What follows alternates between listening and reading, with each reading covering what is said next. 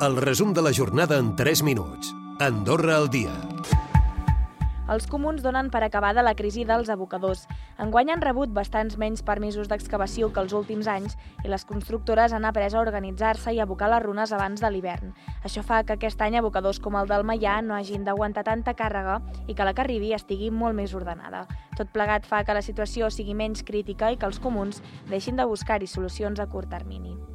Per altra banda, els propers 4 anys, unes 8.000 llars d'Andorra la Vella estaran connectades a la xarxa de calor de fe d'Oikotern.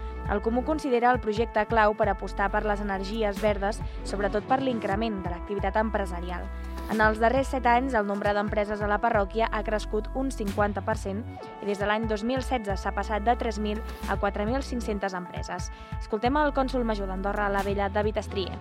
Són empreses que no necessiten doncs, un despatx o una botiga molt gran, una superfície molt gran, sinó que amb una, amb una IP, no, m'atreviria a dir, doncs ja poden funcionar. Són empreses que doncs, també utilitzen el, els coworkings per instal·lar-se a la parròquia i que bueno, és un model que està funcionant i el SAS està buscant un nou oncòleg a jornada completa per reforçar la plantilla. Des de fa mesos compta amb una metgessa internista que fa visites de control de pacients que no estan en tractament. És un canvi de metge sense previ avís que per a alguns pacients ha generat inquietud i també malestar. Això ho explica la directora general del SAS, Meritxell Cossan. És un pèl just.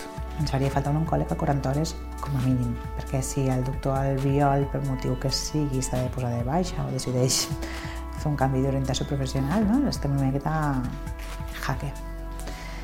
I per tant seria bo tenir doncs, dos oncòlegs de, de 40 hores, almenys.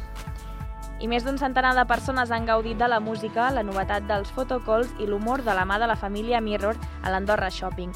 La novetat de l'edició d'enguany és als fotocalls, n'hi ha més de sis repartits per la capital i escaldes en Gordany. La proposta musical de la tarda ha estat formada per les Senyora, que han interpretat els temes més coneguts d'avui i de sempre, un grup que es defineix com una coctelera del bon rotllo. Així ho comentava el pianista i DJ Quic Bartomeu. No tenim complexes i que fem una mica el que ens ve de gust, les cançons que ens venen de gust, sense importar-nos massa si estan de moda o si no estan de moda i sense tenir tampoc massa prejudicis per cap estil de música ni cap artista en concret. I Mozart, Schumann i altres clàssics també han ressonat a l'església de Sant Cerni de Canillo. Ho han fet de la mà del quartet francès Quatro Hormona en un concert en col·laboració amb l'ambaixada francesa dins del cicle de Cambra Romànica. El grup és un apassionat de l'estudi de peces clàssiques, però també de la curiositat i la versatilitat de rebuscar entre obres modernes i menys conegudes. Recupera el resum de la jornada cada dia a AndorraDifusió.d i a les plataformes de podcast.